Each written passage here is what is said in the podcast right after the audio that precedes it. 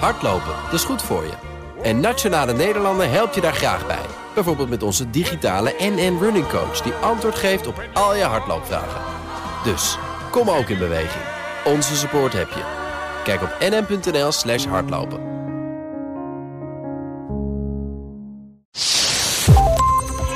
Houston, contact with a test one. Touchdown confirmed. Hartelijk welkom bij Space Cowboys aflevering 82. Hartelijk welkom, welkom Arno Wilders. Goedemiddag. En welkom Erik Laan. Ook goedemiddag. We zitten hier met z'n drietjes om het ruimtevaartnieuws van de afgelopen twee weken te bespreken. Het is 10 november. En ehm, ik ga gewoon het bal openen door jou Erik te vragen. Wat is jouw leukste onderwerp van vandaag? Mijn leukste onderwerp van vandaag. Ehm, ik heb een heel lijstje met onderwerpen. Dat weet ik wel, maar ik hoef je nu niet allemaal te horen. Nou, ik denk ja, wat we net op Pak er de, één of twee. ik, ik zou zeggen de, de Van der Sat eh, eh, acquisitie eh, door Planet. Ja, Dat is toch wel. eh, want dat is nieuws. dat is nieuws. Dat hoorde ik net een paar minuten geleden. Daar gaan we straks lekker over praten. Ja. Leuk. Arno? Nou, ik denk dat we het ook wel even moeten hebben over de maanlander van NASA, die een klein eh, vertraging heeft opgelopen. Een vertraging van? Ja, nu een jaar. Oké. Dus ging naar 2025 geloof ik. hè? 2025 is nu Ja, de. Maar dat is nogal een fluïde voorspelling. Hè? Dus we moeten daar. Ik denk dat het goed is om er even over te hebben. Ja, gaan we zeker doen. Ehm, en ik wil het hebben over eh, de berichten die we eerder deze week tot in het journaal toe hoorden, geloof ik. Dat ehm, de astronauten die terugkeerden eh, uit de ruimte met SpaceX, dat die een luiertje om moesten voor acht uur, omdat de wc het niet deed. Dat vind ik niet zo vreselijk interessant. Het was natuurlijk een sappig nieuwtje. Maar ehm naar aanleiding daarvan vind ik het leuk om het te hebben over taalgebruik in de ruimte. Vooral verhullend taalgebruik in de ruimtevaart. Want ik kwam in een artikel in The Guardian kwam ik eh, de uitdrukking absorbent undergarments tegen. dat waren die luiers. Ehm, maar toen herinnerde ik me dat er veel meer van dat soort kreten natuurlijk zijn. Hè? Een, ehm, een ongeluk is een anomalie. En eh, nou, zo weten jullie vast nog veel meer van dat soort prachtige uitdrukkingen. Daar moeten we eens even over hebben zo direct. Lijkt me leuk. Goed, zullen we het eerst maar even over Van der Stad hebben? Want volgens mij vinden jullie dat allebei best wel groot nieuws. Van der Stad is het bedrijf van Robert Mika, mede Space Cowboy sinds kort. Hij heeft hier als zodanig nog geen minuut doorgebracht. Hij is wel gast geweest een keer hier in het verleden. Ehm, was net tot de groep eh, toegelaten en heeft tot nu toe nog niet kunnen komen, maar komt binnenkort wel.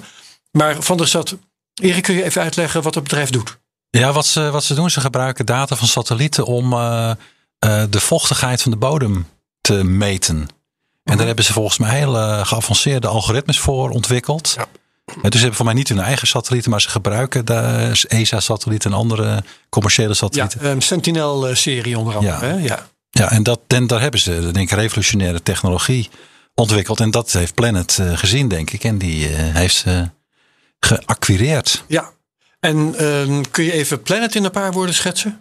Ja, Planet is eh, een bedrijf dat, in, dat is ergens in 2010 gestart in, eh, uit, vanuit NASA Ames. Door een aantal engineers. Die gingen met melkpaksatellieten, wilden ze de hele aarde gaan fotograferen. De bekende CubeSats. De bekende CubeSats. En daar vliegen er nou ja, al een paar honderd in de ruimte. En die, die, ja, die, die, die genereren zeg maar een soort van real-time Google Maps. eh, Ja.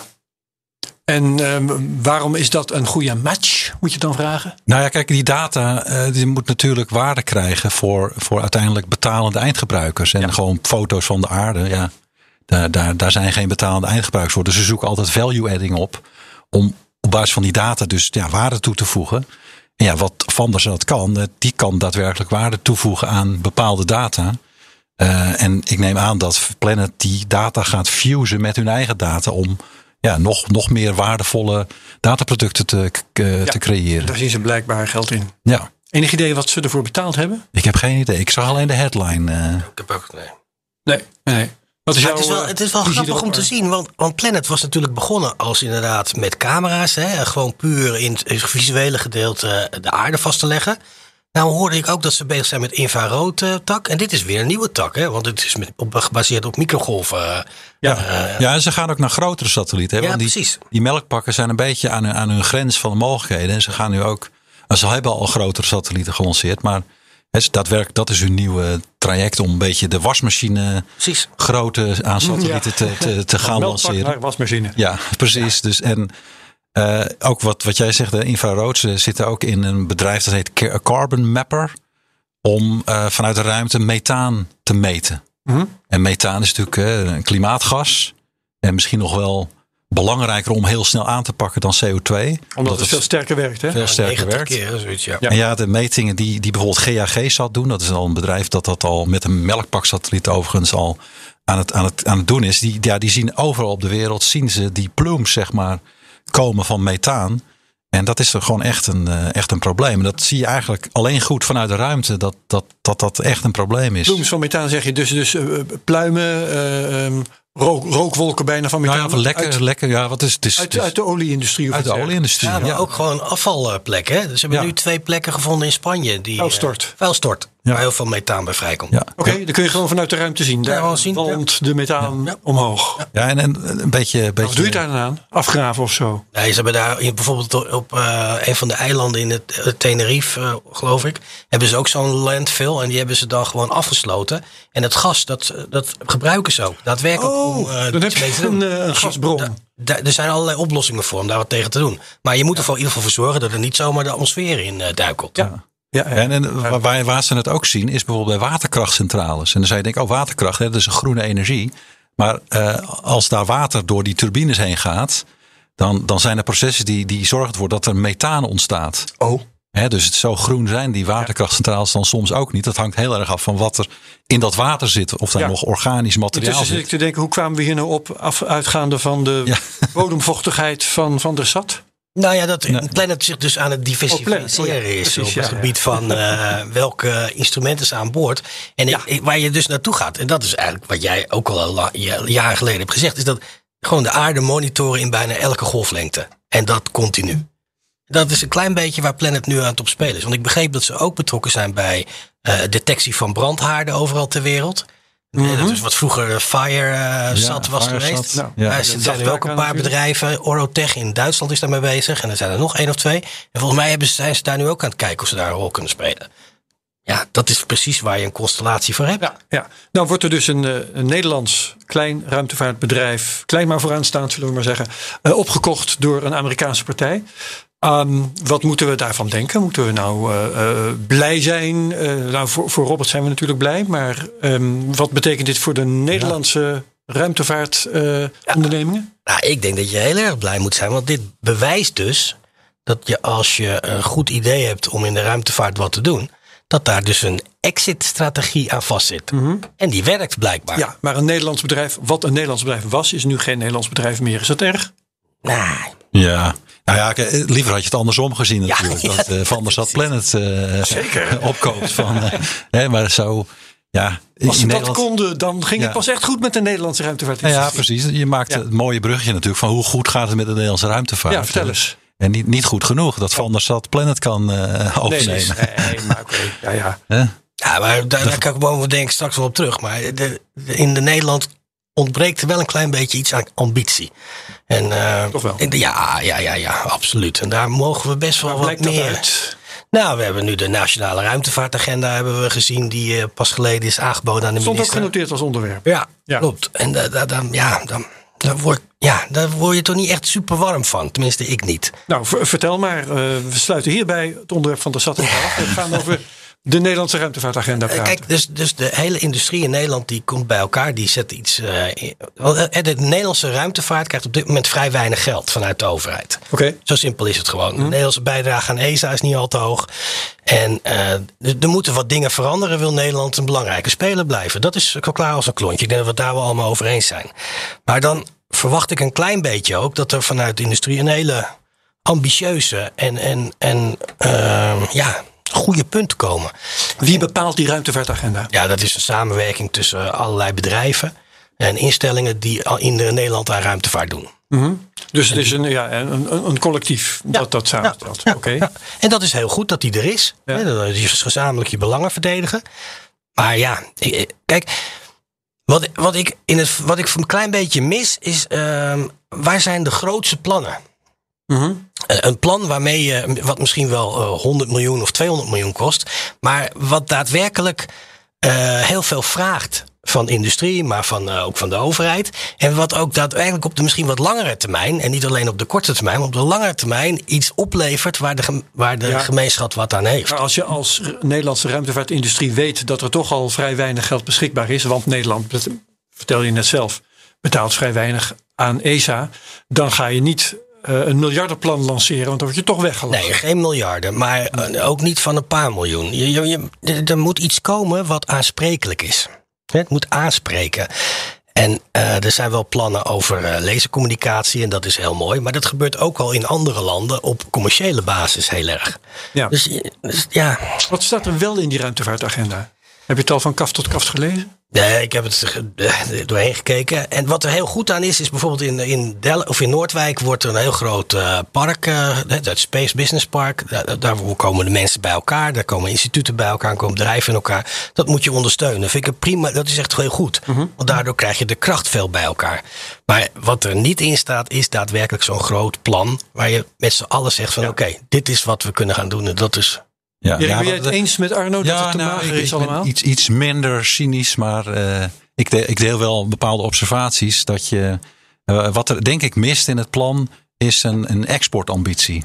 Het plan is geschreven eh, richting de ministerconferentie. Van wij, ja, we Nederland moet, wil meedoen in, in ESA. En als je ziet ja. ja, hoe weinig Nederlandse overheid erin instopt, ja, dat, dat is gewoon abominabel. Dat is, dat is gewoon.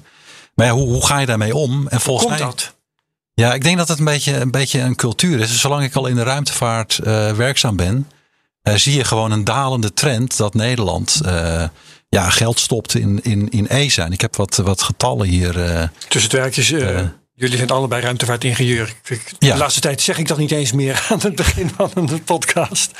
Maar goed, ja, dus, vertel maar. Dus Nou ja, kijk, elke drie jaar heb je, heb, je, eh, heb je de zogeheten ESA-ministerconferentie. Dan gaan alle lidstaten van ESA, Nederland is zo'n lidstaat, Ja. Eh, die gaan hun ministers, eh, vaak van economische zaken, afvaardigen.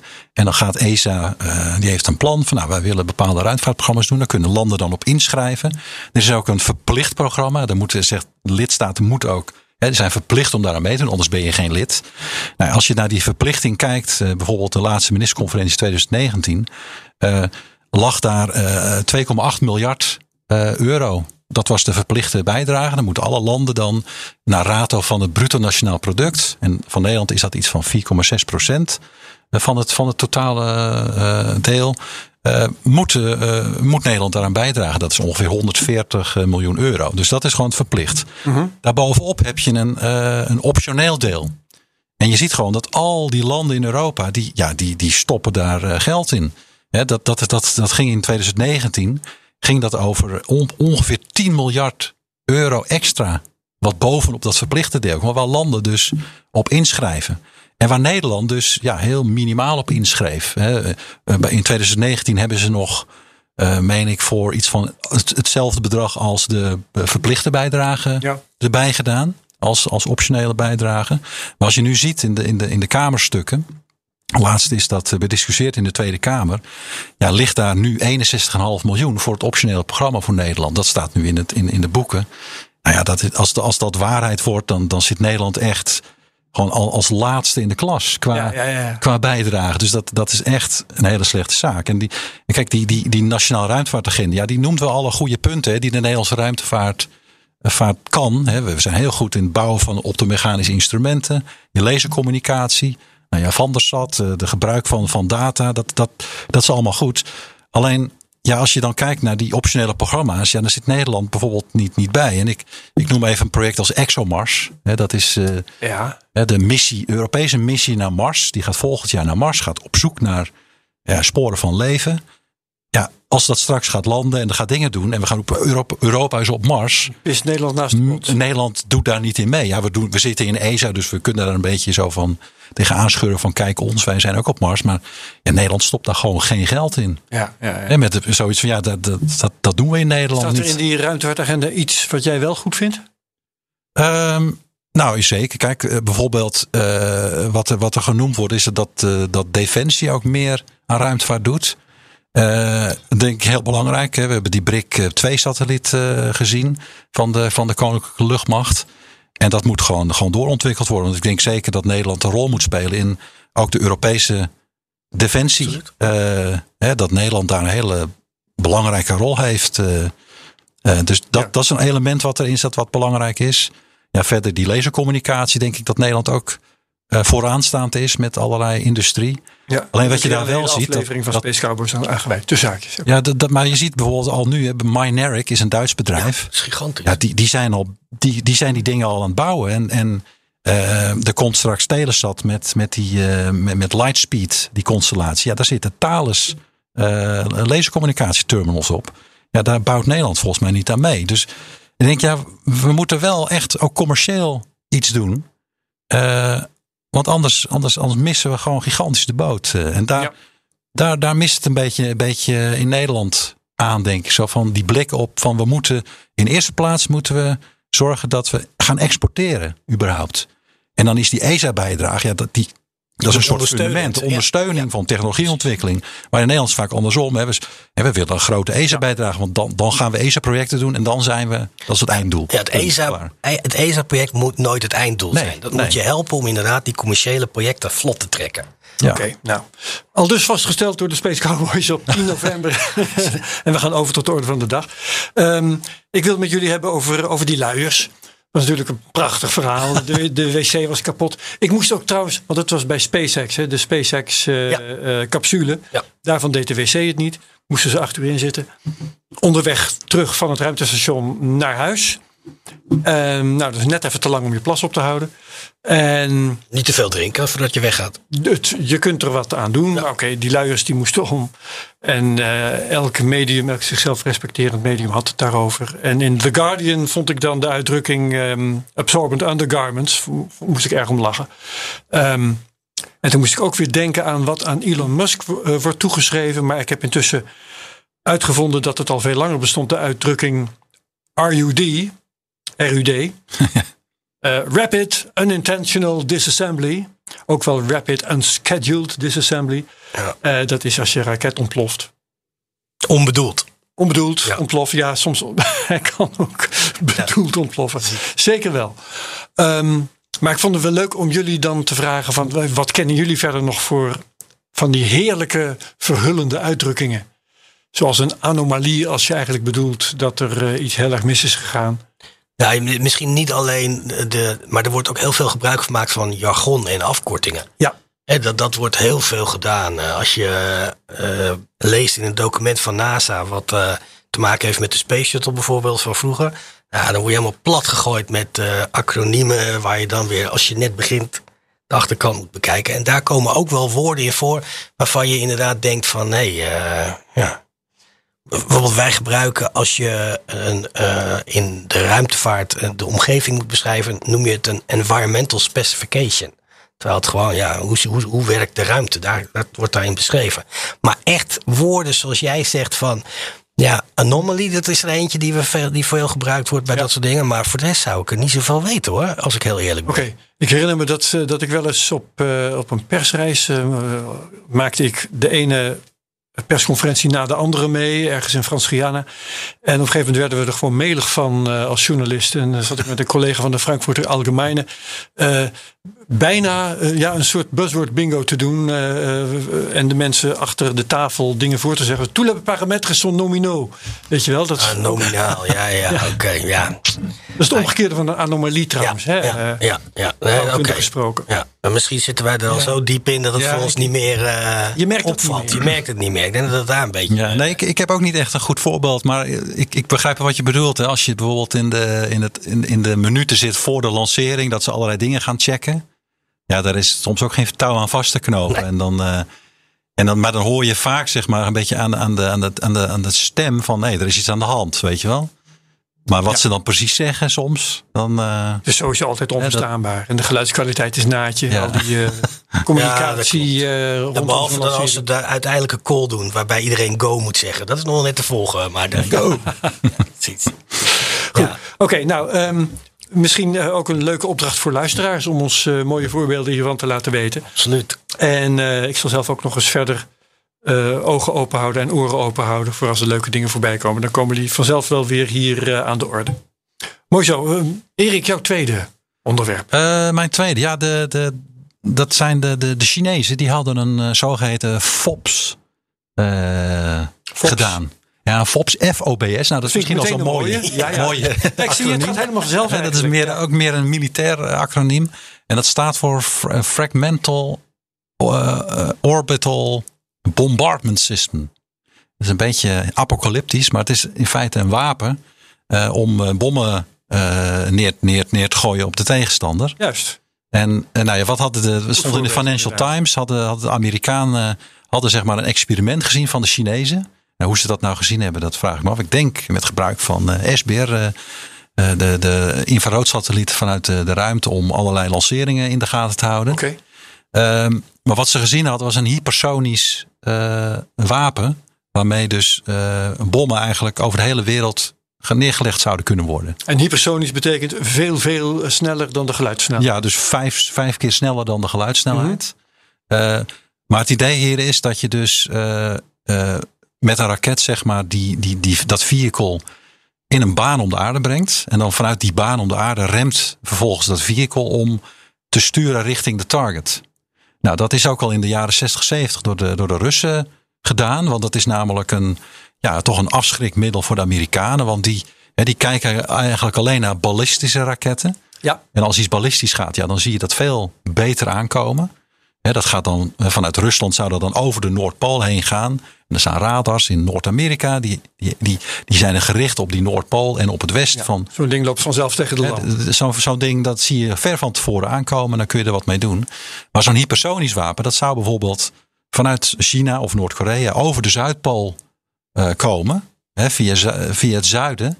En dan door de atmosfeer eh, vliegen. Op een lage hoogte. Dus dan praat je over 100 kilometer. Zeg maar wat. En dan zie je hem dus niet aankomen. Eh, nou, nou, het vliegen op dat soort hoogtes met dat soort snelheid. Dat is ja, technologisch een enorme uitdaging om dat, eh, om dat te Ja. kunnen. En de- blijkbaar kunnen de Chinezen dat nu. Alleen, ja, de, er is nogal wat mist om eh, wat er nou daadwerkelijk gezien is om die, eh, Ja, ja, ja. Om, om die test. Misschien ook dat de Amerikanen eh, niet al te veel bekendmaken van wat ze werkelijk gezien hebben. Dat ook, ja. En, en- precies. En ook, eh, ja, wat zeg maar amateurwaarnemers. Marco Langbroek is zo iemand in Nederland. eh, Mhm. die houdt zeg maar allerlei lanceringen in de gaten van, van militairen. Die had er op Twitter een uitgebreid eh, verhaal ook over. En eh, wat er ook naar voren kwam is dat er de Chinezen zijn flink aan het lanceren. Die lanceren meer dan, dan SpaceX. Iedereen kijkt naar SpaceX van wat, wat is er aan de hand. Maar China, China lanceert qua massa veel meer dan SpaceX. Ja. Ehm, en ze missen daar zeg maar een bepaald volgnummer in, eh, in de Lange Mars eh, drie of zo. Daar mist een, mist een nummer. Zo van wanneer is die dan omhoog gegaan? Ergens juli, augustus moet dat gebeurd zijn. En, en niemand weet wat daar gebeurt. En ook in juli, augustus is ook een test geweest met een, eh, met een eh, met iets wat ook weer terug op aarde geland is. Beetje zoals de X-37B van de United Space Air Force. Die hebben ook zeg maar een soort space shuttle, een kleintje. Die gaat een tijd de ruimte in en die landt vervolgens weer op aarde. In feite is dat ook een, eh, een, een FOPS. Ja, hè? En absoluut. Die kan je daarvoor gebruiken. Ja, ja, ja. Maar China heeft die ca- capability dus ook. En ja, blijkbaar hebben die, eh, die militairen dus iets gezien waarvan ze denken: hé, hey, dat is toch wel echt een, echt een doorbraak en, en een, ja, een bedreiging. Ja, maar het is dus niet zo dat China opeens een eh, capaciteit heeft die Amerika niet heeft. Jawel. Wel, ze hebben iets nu in handen. Ja, ze hebben wel iets handen wat, wat Amerika, Amerika zou het ook in handen kunnen hebben. Dat, dat is niet, Ja. dat is, de- en dat is niet een kwestie van eh, tien jaar of zo. Dat, dat, kunnen ze, Kunnen ze zo. dat kunnen ze zo. Maar ze hebben, ze hebben dat niet. En de vraag, vraag is of China dat nu echt ook operationeel heeft. eh, Of dat het eerder een test is. Hè? Ja. Of dat het een, een test is. Ja, dus, dus Goed. Maar het is een interessante. Kijk, want het, de vraag is ook van. De Outer Space Treaty komt nu ook eh, in discussie. Hè, Dat is een, eh, uit 1967. Hebben eh, allerlei ruimtevaartlanden met elkaar afgesproken. Hè, Wij gaan de ruimte niet gebruiken voor weapons of mass destruction. Nou kun je zeggen, ja, als, als China dan zo'n ding in een baan om de aarde brengt, dan Wordt al Is dat een gemorreld. redelijke weapon India heeft toch wel eens een keer een experiment gedaan met het bekogelen van de ene satelliet met de andere satelliet. Ja, maar dat was vanaf de grond, hè? Oké, Het is echt dat dan vanuit de anders. ruimte, hè? Dus vanuit de ruimte dat je dan eh, naar de aarde gaat. Oh, om, eh, Het voordeel van ja, ja. Wat, wat je van die Chinezen doen, is je kan er gewoon iets van 20 lanceren. Je houdt ze gewoon in een baan rondom de aarde. En, op je het houdt moment iedereen dat je ze nodig hebt. Ja, eigenlijk wel. Ja. Op het moment dat je ze nodig hebt, pff, activeer je. Je duikt de En- atmosfeer en- in. en Je bent Oké, nou begrijp ik het beter. Want dan zeg ik eigenlijk, eh, er zijn er wel voor minder eh, tegen een crisis aangelopen. Want eh, dat was namelijk in, wat was het, 1963, de, de Cuba. Cubaanse crisis, ja, ja. de- toen merkte Amerika dat Rusland ze onder schot hield. Ja.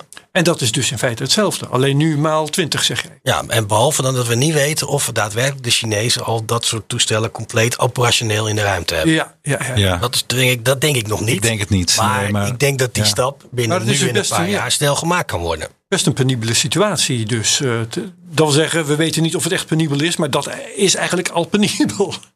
Ja, het is, het is iets waar, waar we als eh, wereld naar moeten kijken met z'n allen. Kijk, Ja. dat, is, wat- dat is ook een beetje met het hele ruimtevaartgedoe. Is dat eh, de, de ruimte op zichzelf heeft lange tijd een beetje stilgelegen in een achterafhoekje. We zien nu dat als je, eh, je, je oorlog of als je in de financiële wereld de ruimte gewoon van echt heel belangrijk gaat worden als je daarin mee wil doen. Dus het wordt tijd dat we overal ter wereld en ook in Nederland en in Europa, dat er gewoon veel meer aandacht voor komt. En ook wat we net hadden over de defensie, eh, daar moet gewoon veel beter naar gekeken worden van hoe kunnen we er nou voor zorgen dat we de vrede een beetje bewaren? Want dat is Ja. wel een belangrijk iets. Ja, ja. Ja, en daar kan Nederland een hele belangrijke Ja, rol in precies, spelen. precies. Zoals stel, hè, de, de- Nederland heeft daar in de geschiedenis ook al rollen gespeeld met internationaal gerechtshof. Nou, ik denk, precies. Ja. hè, dat is zo'n zo'n rol kan Nederland ook oppakken in de ruimte. Ja, Goed, absoluut. weer Dus, eh, een opdracht voor Nederland. Ja, Ja. wat is... Ja, Ja, ja, ja, ik, ik zie dat niet eens zozeer als een. Het is juist heel goed om daarbij betrokken te zijn. Want het, het levert je een hele hoop kennis op die je later eh, weer kan gebruiken. Dus het is alleen maar positief. ja oké. Wat is jouw tweede onderwerp? Nou, we, eh, gisteren een grote persconferentie van NASA. Over hoe het ging met het Artemis-programma. Het Artemis-programma is natuurlijk daar om mensen weer terug naar de maan te brengen. Ja. Eh, ooit door Trump eh, voorgesteld met het doel om in 2024 in zijn, het einde van zijn tweede termijn. Hè, want dat was het doel natuurlijk. Om er met een grote eh, knal eruit te gaan. Eh, maar NASA heeft eh, natuurlijk een aantal problemen gehad eh, met het Artemis-programma. En één is de ontwikkeling van Orion. Hè, dat eh, ruimteschip wat eh, daadwerkelijk straks eh, mensen richting de maan moet sturen. Dat al wat vertraging heeft opgelopen. En gisteren werd bekend dat de- de Orion-ontwikkeling eh, ongeveer 30% duurder gaat worden. En dat ze het ook niet helemaal gaan redden in de tijd die ze van plan waren. Nee, want duurder betekent meestal gewoon dat eh, een project eh, over meer jaren moet worden uitgesmeerd. Ja, ja maar je, je- kijk, NASA krijgt af en toe een opdracht van het congres in Amerika om dit te doen en dan dat te doen. En, maar wat daar dan altijd, precies, Ja. hè, wat er dan altijd ontbreekt, is om daar ook voldoende budget bij te doen. Ja. Dus NASA moet dan heel creatief zijn en kijken met het geld wat ze dan krijgen, wat ze op, op het pad kunnen zetten. En daar zie je nog wel eens een gebrek aan. En ik denk dat hier speelt dat ook een klein beetje mee. Dat Orion ja, was misschien een beetje underfunded, zoals we dat kunnen zeggen in het begin. En daar zie je nu ook weer het effect van. En daarnaast eh, heeft die rechtszaak van Jeff Bezos met eh, NASA heeft natuurlijk ook niet geholpen. Dat ging over of hij een maanlander mocht maken voor de NASA. Precies, precies. Die opdracht kreeg hij niet en toen Ja. stapte hij naar de rechter en tot Ja. nu toe kreeg hij steeds ongelijk. Ja, en dat is maar goed ook. En hij heeft nu ook op Twitter, dus trouwens ook weer apart, hè, op Twitter aankondigen dat je niet verder gaat met die rechtszaak. Maar oké, maakt niet uit. Is We een soort weten- eeuwige persconferentie. Ja, precies. Hij heeft gezegd van ik leg me bij de beslissing neer en ik wens NASA en SpaceX heel veel succes. Dus ik begreep dat ze maandag alweer eh gingen verder. Maar ondertussen, kijk, SpaceX heeft niet stilgestaan. Want ze ontwikkelen die lander ook voor zichzelf. Ja. Dus zij bouwen gewoon verder. Alleen de gesprekken tussen NASA en SpaceX, die hebben zeven maanden stilgelegen. En dat is wel een dingetje. Want al die eh, de eisen die je moet stellen, het overleg, dat is wel eh, belangrijk. Ja, maar Dus- Bill Nelson heeft nu gezegd van hè, dat die Bill vertraging die NASA? komt, die komt door eh, hè, dat, die- dat gedoe met Blue Origin. eh. hè, dat, eh, Ja, ja, het is ja, leuk. want ik denk zelf, kijk, ik heb ooit, altijd al gezegd die 2024 datum is belachelijk. Ja. Ja, dat roepen wij hier de hele tijd. Ja. En, en 2025, ja. Dat is ook belachelijk. belachelijk. ja. Nee, ik moet eerst die SLS natuurlijk nog omhoog zien gaan. En eh, ja. zonder, eh, zonder problemen. Ja, absoluut. Ja. Oké, goed. Ehm, dan is dat ook besproken. Eh, vind ik het leuk om een astronomie-onderwerp even in de groep te gooien. Eh, want ehm, de jaar, eh, jaartallen heb ik even niet paraat. Maar eh, we hadden een, een tijdje geleden die eh, zonde New Horizons die langs Pluto vloog. Ja. Heeft allemaal prachtige beelden opgeleverd. De eerste beelden van Pluto. Tenminste van, van dichtbij in close-up. En nu hebben ze een aantal opnamen van New Horizons ehm, weten te verwerken tot een beeld van de donkere achterkant van Pluto. Even voor het beeld, tenminste het mentale beeld dat we hebben. Hè. De as van Pluto wijst niet eh, van boven naar beneden, maar eh, een beetje in eh, het vlak van het zonnestelsel. Betekent dat jullie weten dat, ik, waarschijnlijk vertel ik het jullie voor niks, maar in elk geval. Nee, jullie kijken Nee, nee, Oké, mooi zo. Dan leg ik het jullie echt we, we hangen aan je lippen. ja. Die, de as van Pluto, waarom die heen draait, die wijst op dit moment zo ongeveer naar de zon. Het is eh, op de donkere kant van Pluto nu al 30 jaar eh, winter. Daar is het al 30 jaar donker en daar is het dus koud en zo. En eh, die kant die is door New Horizons wel in beeld gebra- gebracht, maar dan in tegenlicht. Want ja, die zon die schijnt op de andere kant. Dus als je die achterkant ziet, dan kijk je ook zo ongeveer naar de zon toe. Allemaal heel lastig voor een goede foto. Dus nu hebben ze een ehm, hele hoop foto's, een paar honderd van die foto's van de achterkant van Pluto. Die hebben ze ehm, in de eerste plaats eh, hebben ze die vergeleken met foto's in dezelfde richting genomen, maar dan zonder Pluto erop, om het tegenlicht ervan af te kunnen trekken. En toen hebben ze, toen tegenlicht er eenmaal van afgetrokken was, hebben ze een paar honderd van die foto's waar die achterkant wel op stond, hebben ze weer bij elkaar opgeteld. Zodat ze die achterkant eh, goed in beeld kregen. Nou, en dat heeft een plaatje opgeleverd. Ja, je kunt niet zeggen dat het hoge resolutie is. Ik ga het jullie even laten zien. Ik draai mijn laptop gewoon even om. Dan krijg je dit. Oké. Het staat in NRC Handelsblad voor de mensen die eh, dit alleen maar horen. Want we hebben bij Space Cowboys nog geen video. NRC Handelsblad eh, op 9 november is dat verschenen. Om 17.30 uur. Artikel van Bram van Duinen erbij. Eh, daar kun je die foto zien. Waarschijnlijk ook op allerlei andere plekken. Maar in ieder geval, dan zie je dus voor het eerst in zijn volle glorie de achterkant van Pluto. Er is een vrij wit gebied. Daarvan wordt aangenomen dat er dan al de nodige ijsvorming heeft plaatsgevonden. Er wordt bij eh, gezegd dat die eh, 20, 30 jaar dat het nou winter is, daar is eigenlijk heel kort. Want het blijft daar meer dan 100 jaar winter. Hè? Ja, wat maar konden ze dan dat, dat. Er komt dus wel licht op dat oppervlak. Überhaupt. Er komt, dat is een hele goeie. Wat? Dat is een hele goeie. En dat is eh, strooilicht van eh, de maan van Pluto. Ga. Ah, oké. Net als wij, wij kunnen ook soms, als wij naar de maan kijken, Ja. het donkere deel van de maan, zit, zit ook, zie je af en toe ook. En dat komt ook van Ja. licht vanaf de aarde. Er schijnt gewoon maanlicht Ja. op Pluto. Ah, en het is aan de ene dat kant natuurlijk bloody weinig. Omdat eh, Pluto zelf al zoveel verder van de zon staat als wij. En dus die maan ook. Dus die wordt maar heel vaagjes beschenen. Aan de andere kant is het relatief ten opzichte van Pluto wel een vrij grote maan. Dus is er weer, nou ja, wat dat betreft, ietsje meer maanlicht dan wij hier gewend zijn. Ja. Ja, ik vind het Dus dat een fascinerende missie trouwens. Die eh, New Horizons. New Horizons. Hè, dat is echt een.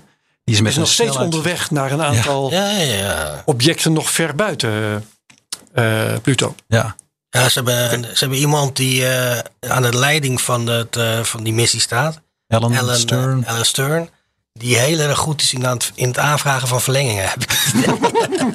en iedere keer komt hij weer met een nieuw object. Wat heel veel mensen heel interessant vinden. Ja. En daar, eh, ja, dat is echt heel goed. En ook doet- maximaal gebruik maken van de hardware die je lanceert. Ik wil zeggen, dat ding moet het wel blijven doen. Ja, Ja. ja. ja, maar tot Dat nu toe. nu toe eh. Ja, ja. Ja, heel leuk. K- Kan nog jaren kunnen we daar plezier hebben. vraag, misschien een vraag voor Thijs Roes, want die is altijd fan van Voyager. Ja. Voyager 1 en 2. Hij heeft zelfs een tattoo, hoorde ik laatst. eh. Ja, ja, ja, zeker. Maar ja, ja. volgens mij gaat New Horizons op een gegeven moment. eh, is hij verder dan eh, de Voyager. Want hij gaat harder? Want hij gaat harder volgens mij. Is dat niet het snelste door mensenhanden gemaakte object? Was dat, Nee. Eh, was Dat is een Duitse satelliet. Oh, oké. Ja, maar Parker Ja, goed, ook. Maar er is een Duitse satelliet, die is bij de zon geweest. Ja. En die is volgens mij 100 kilometer per seconde gegaan. Oké, die hoeft alleen Ja. maar te vallen natuurlijk. Ja, Oké, nou goed, leuk. Ehm, dat, ja, dat was eh, eh, mijn eh, volgende onderwerp. Wat heb jij nog meer, Erik? Of moet ik Ehm, eh, even kijken? Ja, ik was even- aan de ik, beurt. ik was aan de beurt. Nou, ik, Ja. wat, ik, eh, wat ik zag was, eh, gaat ook weer over China. Een Mars Sample Return. Eh, Ja. Die wordt naar voren gehaald in China.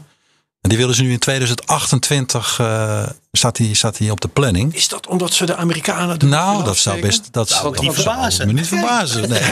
Want de Amerikanen hebben al monsters genomen met de Ja. maat. Ik vergeet die namen steeds, maar wat is er Dat hebben wij de vorige keer met Perseverance. Zit er een- Perseverance eh, rijdt daar nou rond en eh, steekt de schep in de grond. En, maar het wordt voorlopig niet opgehaald.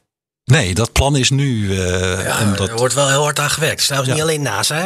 Europa doet daar ook flink aan mee. ja, Europa goed, min. Nederland trouwens. Ja. Ja, goed. Nederland doet niet mee aan eh, Marsmissies. Nederland. Oké. Ehm, maar die Chinezen die halen dat naar voren. Naar welk jaar? 2028. 28. En wanneer wordt, worden die monsters van Perseverance opgehaald?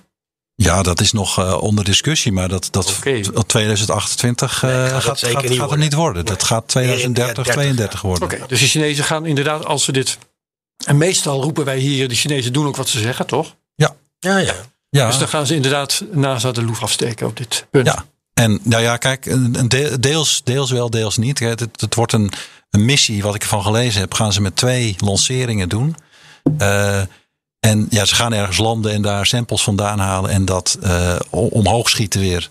En dan komt die tweede missie om dat weer op te halen. Oké, ja. En kijk, eh, wat met Perseverance nu gebeurt, is dat die rover natuurlijk naar hele exotische plekken kan rijden om samples op te pikken.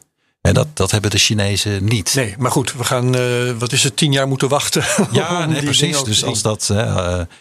ja, ik denk dat dit- moet een nieuwe ruimterace worden, denk ik. En dan moet Nederland ook in die, in die ruimterace stappen en meedoen met Mars Sample Return. Verder nog interessante eh, dingen over die Chinese expeditie, behalve dat ze hem vervroegd hebben. Ehm, Kunnen we daarover zeggen? ja, wat kunnen we daarover zeggen? Dat, dat ze. Dat ze nou ja, kijk, ze hebben heel veel ervaring nu eh, opgedaan met, met, die, met, die, met, die, met Marskarretje, wat ze daar ook eh, hebben rondrijden. Wat gelanceerd is. Daar hebben ze op basis daarvan. Horen ze nu van. vertrouwen. Wat zeg je? We horen daar weinig van. Ehm, af, ja, af en toe een mooie foto. Hè. Ze, hebben, ze, ze hebben een soort eh, mobiele camera ergens neergedropt op het oppervlak. En die rover gefotografeerd van een afstandje. Ja, dat weet ik nog. Hè, het, is, dus, dus het is wel indrukwekkend wat ze daar hebben laten zien. Hè. Het eer- eerste idee was, nou, ze hebben een beetje een kopie gemaakt van Opportunity Spirit. Maar het is daadwerkelijk ook een veel grotere rover. Dus het is echt wel een, eh, Ja. een- iets bijzonders wat ze gedaan hebben. En die kennis gebruiken ze nu Ja. Om toch echt te zeggen, we gaan in 2028 eh, die samples ophalen. Ja, en in, en in combinatie met hun eh, maanstenen die ze al terug hebben gehaald. Hè. Het, is- Ja, het past helemaal in het plaatje van eh, de verdere uitbreiding eh, van de Chinese ruimtevaart. Ja. Ja, en ze gaan het ook nog een keer oefenen, volgens mij bij een asteroïde, om ook samples terug te halen van een asteroïde. Hè, dat, eh, Dat hebben Dat- de dat- westerse mogendheden al gedaan. Ja. Hè? Amerika en Japan. ja. Maar in ieder geval om hè, die technologie zeg maar, te kwalificeren. Dat, eh, Het gaat, het, kijk, dat hebben wij ook wel gedaan en dat klopt ook wel. Maar het gaat daar wel verdraaide hard. Ja. Hè, dat, dat is iets wat we misschien een klein beetje onderschatten. Nog even, Dat- ze hebben de hele wereld op een straatlengte achterstand. Nou ja, eh, zoals, zoals je ook al net al zei, hoeveel ze wel niet lanceren. Dus ik denk dat om de twee dagen heb je wel een Chinese lancering. Dat is ongeveer het, de, waarmee ze eh, nu, het tempo waarmee ze lanceren. Ja. En dat gaat van eh, communicatiesatellieten, van aardobservatiesatellieten, spionage, navigatie. eh, ze Mensen, zitten, hè? mensen, ja, precies. Ze hebben een eigen ruimtestation. Ja, ja, ja. Het, het, is een, het is een gigantisch groot land wat eigenlijk alle aspecten van de ruimtevaart nu beheerst. En dan hebben we het niet eens over al die zogenaamde commerciële lanceerpartijen die in China nu opstaan. Ik geloof dat er nu wel een stuk of zeven of acht zijn die allemaal hun eigen raketten aan het ontwerpen zijn. Nou ja, eigen. Gaan we Sommige mensen op lijken de maan neerzetten eigenlijk? Ja, natuurlijk. ja, maar ehm, zijn daar plannen Ja, voor daar zijn plannen voor. Ja, Plannen die voor zijn bekend. Maar de data zou ik niet 1, 2, 3 durven Nee. te beweren. Maar het, het, is, het is interessant om te kijken van... eh, ze zijn dit allemaal nu van plan. En er zijn nog veel meer plannen. Ehm, over vijf jaar, waar staan ze dan? Hè? Ja. Zijn ze dan echt ons compleet eh, voorbij eh, Ja. gestreefd? Nou, en, en dat niet alleen. Ik vraag me ook af. Doen ze dit, eh, want we herinneren ons de, de ruimterace tussen Amerika en Rusland. Dat was hoofdzakelijk om prestige. Hè? Doen ze dit om prestige of Nee. doen ze het om iets anders? Nee, dit gaat puur in mijn ogen, en misschien verklaren jullie me voor gek. Zij hebben één doel voor ogen en dat is de, het gebruik maken van grondstoffen uit de ruimte. Dat is een van de belangrijkste eh, doelen van de Chinese ruimtevaart. En willen ze die, want, want daar hebben we het hier ook wel eens over. Dan zeggen we tegen elkaar: eh, grondstoffen uit de ruimte naar de aarde halen is eigenlijk onzin. Dat Eh, als je ze uit de ruimte haalt, dan haal je uit de ruimte om ze in de ruimte ook te gebruiken. Ja, totdat je, totdat, ja, totdat je het eindproduct in de ruimte ook kan maken. Dan wordt het een ander verhaal. Om dingen terug product denk je dan aan?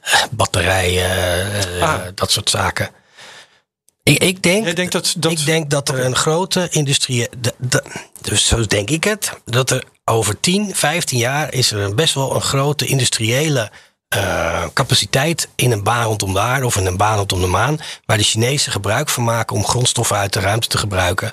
En die ook voor aardse toepassingen te gaan gebruiken. Dus er worden de batterijtjes, of wat het dan ook wordt. Ja, dat is maar een voorbeeld. gadgets Ik weet- ik in weet het de niet. ruimte gefabriceerd en dan naar de aarde neergelaten. Ja, en nou, waarom niet? Waarom niet? Als je Ja, toch- ik, weet, ik, ik, op zich, ik geloof wel zeg maar, in die, in die industrialisatie van de ruimte voor het gebruik in de ruimte. Maar zeg maar het, het brengen naar de aarde van producten. eh, ja, er zijn een aantal niches, denk ik. Hè. Je hebt ZB-land, dat is een soort. eh, waar kun je optische filters van maken. Ja, Eh, waar je misschien economische waarde aan hebt op aarde om ze in de ruimte te maken onder microgravity. Maar de- ja, tot nu toe in het ISS is er niet echt baanbrekend onderzoek geweest. Wat heeft laten zien, jongens, dit moeten we echt in de ruimte doen.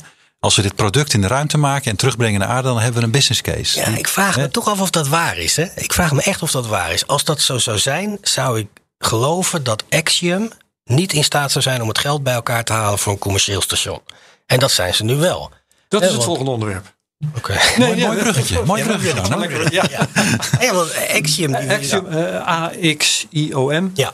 Eh, eh, er, er, is, eh, er ligt een aantal plannen voor eh, nieuwe ruimtestations. Het ISS is verouderd, is ja. 20 jaar oud. Begint te kraken in zijn voegen. Hè. Eh, Er zitten in de Russische module allerlei barsten. Ehm, en Axiom is een van de bedrijven met nieuwe plannen daarvoor. Ja. Nou, kom maar op. Nou ja.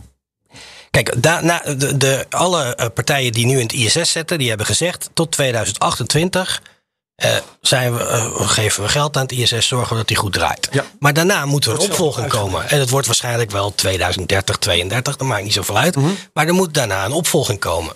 En waar je nu ziet is dat er commerciële partijen zijn, zoals Axiom. Maar je hebt nu ook een, een consortium van bedrijven waar ook Blue Origin weer in zit. Hey, daar hebben we Jeff weer. Het Eh, Orbital Reef. Orbital Een Reef. prachtige uitdrukking. Ja, het, het prachtig. rif in de ruimte. eh, prachtig bedacht. Je, je ziet het gewoon groeien. Ja, ja nou, dat is ook wat hij wil. Hè. Er moet een, soort in de, een, een, een bedrijvenpark in de ruimte komen. Dat is wat hij daarmee wil. Eh, maar oké, dat is wel groot. Verschillende Eh, plannen dus. Verschillende plannen. En ehm, Axiom is daar één van. En die bouwt op dit moment al de hardware bij Thales Alenia in Turijn. Die ook voor de ISS de structuur gebouwd hebben. eh, voor hun eigen module. En die module moet geloof ik over twee jaar gelanceerd worden naar het ISS. Dan moet die daar vastgeplakt worden. Kunnen ze allerlei testen mee doen. En uiteindelijk moet dat dan weer loskomen op het moment dat de ISS niet meer eh, gebruikt wordt. En dat moet dan de kern van hun eigen ruimtestation worden. Ja. Ja, maar de vraag is, waar we het net over hadden, van zijn er producten die je Ja. in de ruimte kan, eh, moet fabriceren, die, eh, die waarde hebben op aarde? Ja. Ja. Hè, dat, dat, Ja. Die je anders niet kunt krijgen. Hè, dat ZB-land is er zo een, maar Ja. ja. dat, dat is een kleine business case. Maar ja. en het ISS is maar is goed nou, ook, want wat je volgens mij helemaal niet voor elkaar krijgt, tenminste niet op, op eh, redelijke termijn van een eeuw of zo, is massafabrikage in de ruimte. hè? Nee, nee, nee, daar ben ik ook Iets, als een, een, een processorfabriek van Intel zet je niet eventjes in een baan op de aarde neer. Dus het Nou, moet nou, maar- voor kleine markten zijn. Volgens mij eh, haal je nu wat aan wat je juist wel moet doen. Oh ja? Ja, want als je. Eh, Verwarrende ik ben er niet, ik ben er, ja, ik ben er niet totaal. ik ben geen expert, maar die wafers die worden onder hele schone omstandigheden op aarde moeten die behandeld worden om daar chips uit te maken. Ja. Nou, dat doen ze bij ASML in het veld over heel goed. Maar als je dat nou in de ruimte kan brengen, dan heb je een aantal verstorende factoren die, je, eh, die er zijn op aarde. Dat weet ik. Dan zou je dat daar kunnen doen. Ja, maar je praat over fabrieken die in, eh, op aarde hectaren in beslag nemen. En er staan er honderden van. Zo niet duizenden. Ja, nou, maar so what? Kijk, waar, waar we vanaf moeten is het, het oude model van de ruimtevaart... waarbij het heel veel kost om 1 kilogram te lanceren. Ik ben het helemaal mee eens. Zolang dat zo blijft, gaan dit soort dingen niet gebeuren. Maar ik ben ervan overtuigd dat als Starship straks vliegt... dat het bijna niks meer kost. Oké. Als, als SpaceX, dat is misschien wel de voorwaarde Ja, die we daar moeten stellen... is goed als het- SpaceX ja. het voor elkaar krijgt om Starship goed te krijgen, waarbij ze gewoon alleen bijna voor de kosten van de brandstof dat ding omhoog kunnen gooien en dat honderd keer kunnen doen en weer terug kunnen brengen, Ja. dan zitten we in een compleet andere manier van ruimtevaart doen dan. Ja. Nee, maar dat is Ja. precies, dat, dat, dat geloof ik ook wat Arno zegt. Hè? Want daar is waar Elon Musk nogal eh, onbegrepen wordt. Hè?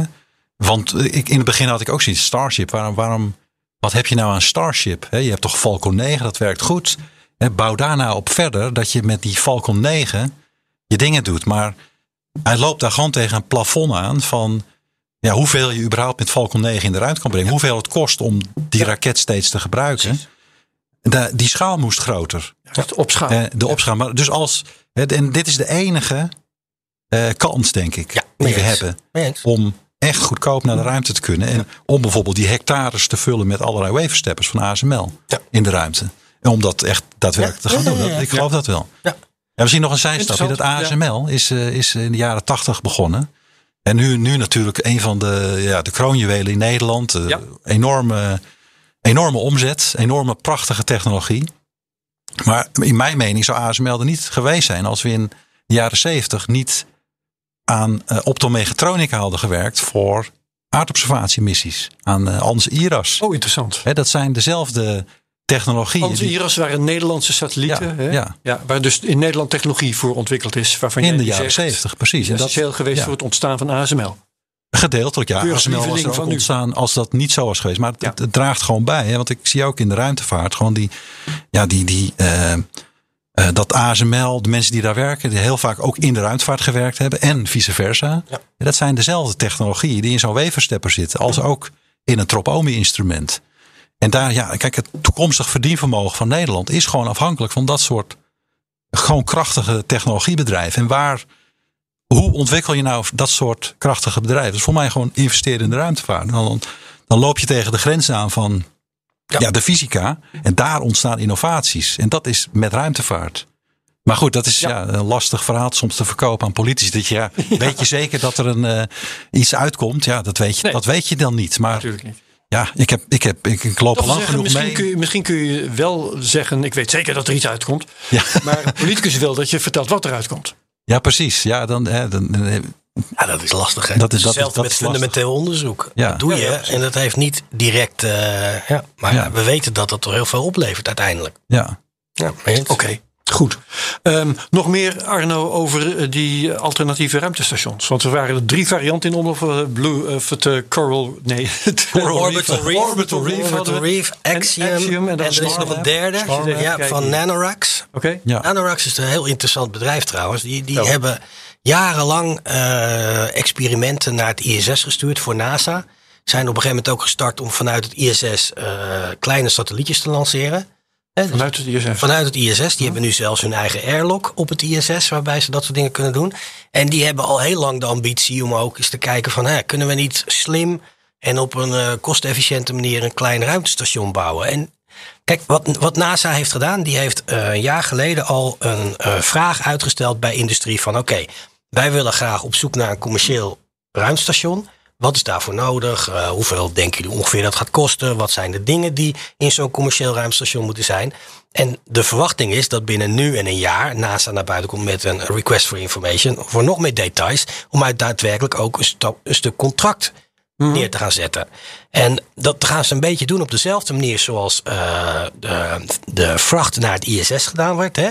Dat er bedrijven die kunnen dan bij NASA komen, die krijgen ook contract. Maar ze moeten ook de helft van het geld voor de investering zelf meenemen. En ze moeten ook kunnen laten zien dat ze niet alleen NASA als, als klant hebben, maar dat ze ook commerciële klanten hebben. En dat is een, in- in mijn ogen, op dit moment in de ruimtevaart, het beste model wat je kan hebben. Ja. Hè? Ehm, dit beantwoordt gedeeltelijk een vraag die ik had. Want ik vroeg me namelijk af, eh, gaan, want we hebben het over drie initiatieven hè, nu Ja. opgezomd. Ehm, gaan die er allemaal komen? Eh, of gaat er iemand moeten kiezen? Want eh, zoals jij het nu schetst, ehm, hebben ze wel allemaal, moeten ze wel allemaal aantonen dat ze een eigen markt meebrengen. Ja. Maar hebben ze wel ook NASA nodig als voornaamste opdrachtgever? Ja, dat laatste denk ik wel. Dat zou betekenen dat er een keus gemaakt wordt. NASA Ja. gaat waarschijnlijk niet drie van die initiatieven Maar- subsidiëren. Maar waarschijnlijk twee of zo, zoals ze customer, zo altijd willen doen. Ehm, maar er zijn niet, het zijn niet de enige drie initiatieven. Op de vorige call voor informa- informatie van NASA zijn iets van 13 initiatieven eh, naar voren gekomen. Dus er zijn nog meer partijen die daar interesse in hebben. Maar inderdaad, die zullen in de eerste jaren grotendeels afhankelijk zijn van wat NASA van plan is. Ja. En, en dat is dat prima. Ja. Zo Ja, er komen er, wel dat is belangrijk. Er komen er dus geen drie. Er komt er één of er komen er twee of zo. Ja, maar ik, kijk, ik, ik kan niet in de toekomst kijken, maar eh, ik, ik verwacht zelf dat er de eerste station wat er gaat komen, die zal dingen laten zien die we niet verwacht hebben. Ja? En die zullen markten aanboren, schat ik in, die eh, daadwerkelijk wel een, een goed verdienmodel Zodat opleveren. vroeg of laat misschien wel Dat degelijk wel- een ruimtestation omhoog kan zonder steun van de NASA. Ja, dat, als, als dat niet zo is, dan hebben we een groot probleem met z'n allen in mijn ogen. Want dat is niet de bedoeling. Je, je moet daar op in, in een baan rondom de aarde moet je waarde kunnen toevoegen aan wat je, eh, hè, wat je wil doen. Ja. Is het niet zo dat het ISS wat dat betreft zijn belofte nooit heeft ingelost? Want er werd ook toen al, hè, toen dat werd gebouwd, werd gezegd van ja, micro, eh, microgravity, ehm, perfecte kristallen laten groeien, eh, elektronica, eh, dingen in de medische wereld. Maar er is toch niet zo vreselijk veel eh, van. eh, Ja, ik vind dat teleurstellend inderdaad. hoor. Ja. ja. Daar is de ISS nooit voor gelanceerd, in mijn ogen. Nee, de andere dimensie van hè, de, de, de samenwerken met, met de Russen. met de Russen, grote ja. partijen. Ja, kijk, Ja. al toen het heel slecht ging in de politieke betrekkingen tussen Amerika en Rusland, werd tijdens de ISS-besprekingen gewoon normaal gedaan. Alsof er niks aan de hand was. ja. Dus, en dat heeft in mijn ogen ook een hele grote waarde. Nou moet je dat niet, natuurlijk niet als doel van het ISS aanhangen. Maar en daarnaast leren we echt een hele hoop over het menselijk lichaam. Hè? Wat zijn de effecten van de ruimte op het menselijk lichaam? En daarin levert het juist wel een, een hele gro- grote bijdrage. En ik zie toch wel langzaam maar zeker meer commerciële bedrijven die een plekje op het ISS filmbedrijven. Nou, film, dat is er eentje van. Maar ik heb- hoorde laatst dat er ook een bedrijf is, eh, een farmaceutisch bedrijf eh, en een, eh, een make-up bedrijf dat, dat bepaalde onderzoek wil doen. Heinz Ketchup. Hè? Heinz Ketchup, ja, de Mars. Dat waren toch over filmbedrijven gesproken. Dat was gewoon eh, eh, op- opnemen van reclamespots. Ja. Ja. En, en geen onderzoek Ah, ja. naar ketchup of iets dergelijks. Ja, maar oké, eh, dat, dat, dat zie je vaak bij dit soort dingen. Je probeert overal wat te kijken Ja. waar, je een onder, waar je bijdrage kan Nee, leveren. maar die commercialisatie die heeft dus inderdaad meer vertakkingen dan we. dan we denken. eerder voor mogelijk En ik denk dat we met z'n allen, of dat, dat de ISS-partners niet heel erg goed zijn in dat wereldkundig te maken met wat ze allemaal doen. Ik denk dat dat ook wel een klein beetje speelt. Maar wat, wat ik wel hoop is bijvoorbeeld dat, hè, dat Orbital Reef, waar ook Blue Origin natuurlijk eh, de scepter zwaait. Ja.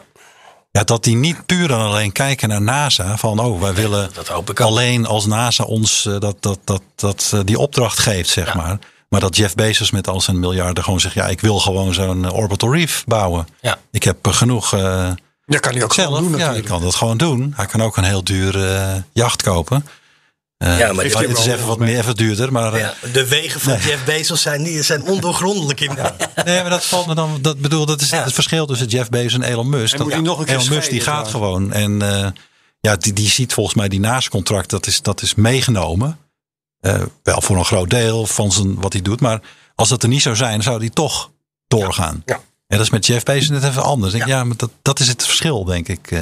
Ja, alhoewel, ik zag laatst, eh, van de week zag ik wel eh, een eerste model van eh, zijn raket van ja, de New Glenn. ja, de New Glenn. misschien dat er toch Ja, vaart achter gezet wordt, ik weet het wie niet. weet. Ja. Ja. Dus daar lijkt een- wel wat te gebeuren. Die ook een rol heeft bij het bouwen van. eh, eh, even kijken hoor, van dat Orbital Reef. Ja. Die New Glenn. Ja. Ja. Als vracht. Jeff Bezos zit tegenwoordig, wil die overal wat mee doen, hè? Ja. Want eh, hij, hij zit niet alleen in het Orbital Reef, maar hij is ook met eh, Kuiper bezig, Project Kuiper. Oh, wat is dat dan? Ah, kijk. Project Kuiper mooi is, bruggetje. dit is een mooi bruggetje. Dat is dus Ja. het, hetzelfde wat Starlink is van Elon Musk. Oh, wacht. Maar dan nu echt grote satellieten die internet voor de hele aarde gaan leveren. En daar, daar was nog meer nieuws over. Even kijken waar ik dat nou heb gelaten. Want er was, er was een, een, een hele bunch nieuwe ehm, eh, plannen voor grote netwerken. Ja, Waar is dat gebleven? Rwanda kwam er zelfs in, in ja voorbij. met eh, 150 miljard satellieten of zoiets. Hoeveel waren het er nou? Drie, voor mij 350.000. ja, zoiets. In die Ja. orde van grootte. Ja. Wat was dat dan voor plan? Weet een van jullie daar iets Daar van? zit, eh, daar zit die Craig Weiler zit Craig er Weiler zit erachter, hè? Ja, dat? dat wordt gezegd. Ja, Craig Weiler is van OneWeb. En dat Oh. is ook een constellatie, die is al in, in, in Dat is aanbouw. intussen dat door wordt- het UK opgekocht, toch? Eh, en. India. Ja, En India. En India. Ja, dus dat moet 648 satellieten. Ja, is ook nu verhoogd. Dat- oh, ook weer verhoogd. Ja, Oké. wel, ja. En, maar goed, dat, dat is al een, al een systeem wat al halverwege is qua aanbouw. Dus die, die satellieten, de helft daarvan hangt al. Ja. Ehm, en Greg Weiler is daar toen betrokken bij geweest. En op een gegeven moment gingen ze bankrupt. Ja. En toen zijn ze weer doorgestart. Greg Weiler is eruit gestapt. Ja. En, eh, ja, wat, en ja, die wilde weer wat in de ruimtevaart gaan doen, heb ik gelezen. Nou, toen kwam die filing van, de, van Rwanda bij de ITU, de International Telecommunication Unit, voor 350.000 satellieten. Maar ja, dat, dat is Hoe gewoon een soort van. Rwanda dit in ik wil- Ik wil niet discrimineren natuurlijk. Maar je verbaast je wel dat een Ja. betrekkelijk arm land dit opeens gaat, gaat doen. Waar komt dat vandaan? Ja, ik denk dat het, dat het een beetje geopolitiek eh, eh, si- signaal maken is richting de wereld van ja, de ruimte is ook is niet alleen van rijke eh, miljardairs, maar ook gewoon van, van andere landen. Ja, maar ehm, is, dit serieus te nemen? Enig idee? nee, de 350.000 satellieten is niet serieus te nemen. Nee. Omdat, eh, maar het, het verhaal gaat dat Greg Weiler daar dus achter zit. Omdat hij met Rwanda. Rwanda zat ooit ook in OneWeb als een van de aandeelhouders. Eh, en die had hele goede contacten met de Rwandese overheid. Heeft er voor mij zelfs gewoond. eh. Eh, en Greg Weiler heeft nu ook. eh, kwam in het nieuws dat hij een satellietconstellatie van 328.000 satellieten ging lanceren. En toen dacht ik, hé, dat volgens mij.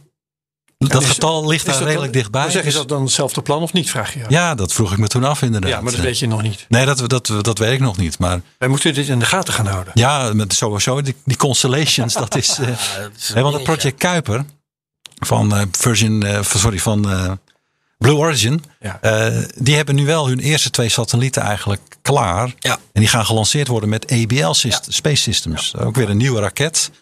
Eh, dus er gaat een hoop weer gebeuren. Die gaan volgend jaar, eh, begin volgend jaar omhoog. Dus ja, ook Project Kuiper gaat daadwerkelijk lanceren. En die moet uiteindelijk naar 3200 satellieten.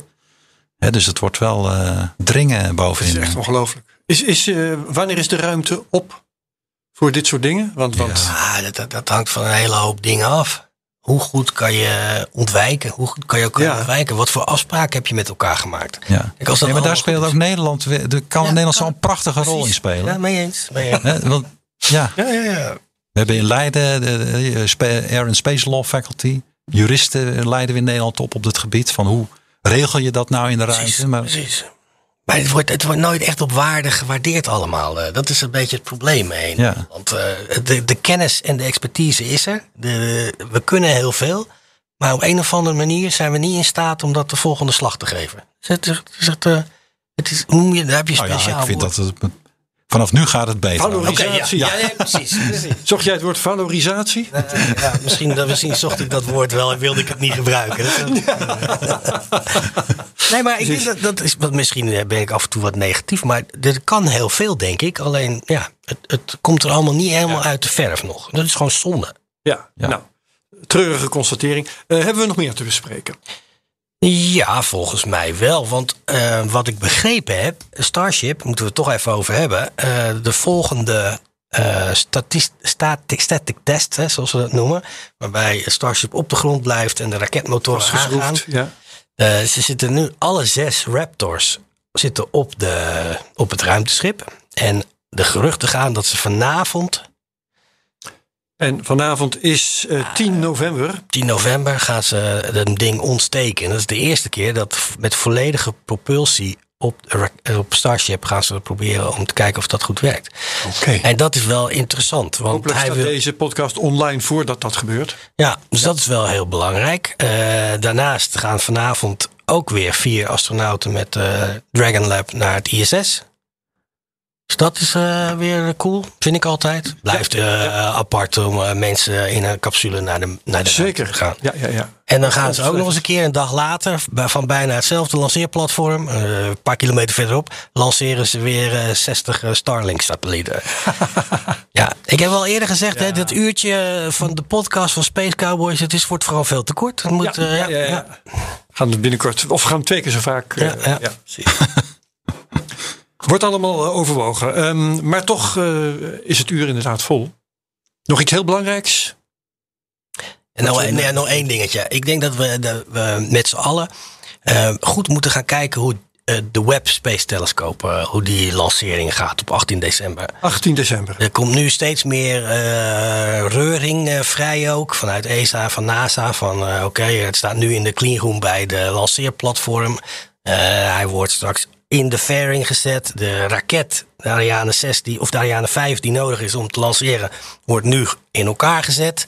Ja, ik vind dat toch wel een dingetje hoor. Ja, Ja, en Nederland heeft eraan meegebouwd. Het MIRI-instrument in Astron. Hartstikke flatsen. Hè, dus Nederland doet daar gewoon mee. Dus eh, mensen, Hartstikke goed. En, en als je een beetje ziet wat James Webb allemaal moet gaan doen na de lancering. Ja, eh, fenomenaal. Fenomenaal. Ja. Ja, nou, dat, ik denk dat het goed is als we dat in Space Cowboys ook van eh, episode Ja, tot episode bijhouden. eh, goed bijhouden. Er komen nog eh, even snel uitgerekend minstens twee afleveringen voordat dat gebeurt. Ik denk wel drie. Even snel uitgerekend, dus dat, eh, dat kan mooi. Ja. Ehm, goed zo, James Webb. Ehm dankjewel Erik Laan van Ion Orbit. Dankjewel Arno Wilders. ESA. Nee, veel nee, zeggen, nee, nee, nee, je bent nee, onafhankelijk nee, contractor, nee, nee, maar je, je doet wel eens wat voor ESA. Ik doe wel eens wat, ja. Maar, En dankjewel Herbert Blankenstein. Ja, dankjewel. Ja, nou heel graag gedaan. Dit was de Space Cowboys aflevering 82. Heel graag tot over twee weken. Bedankt. Dag.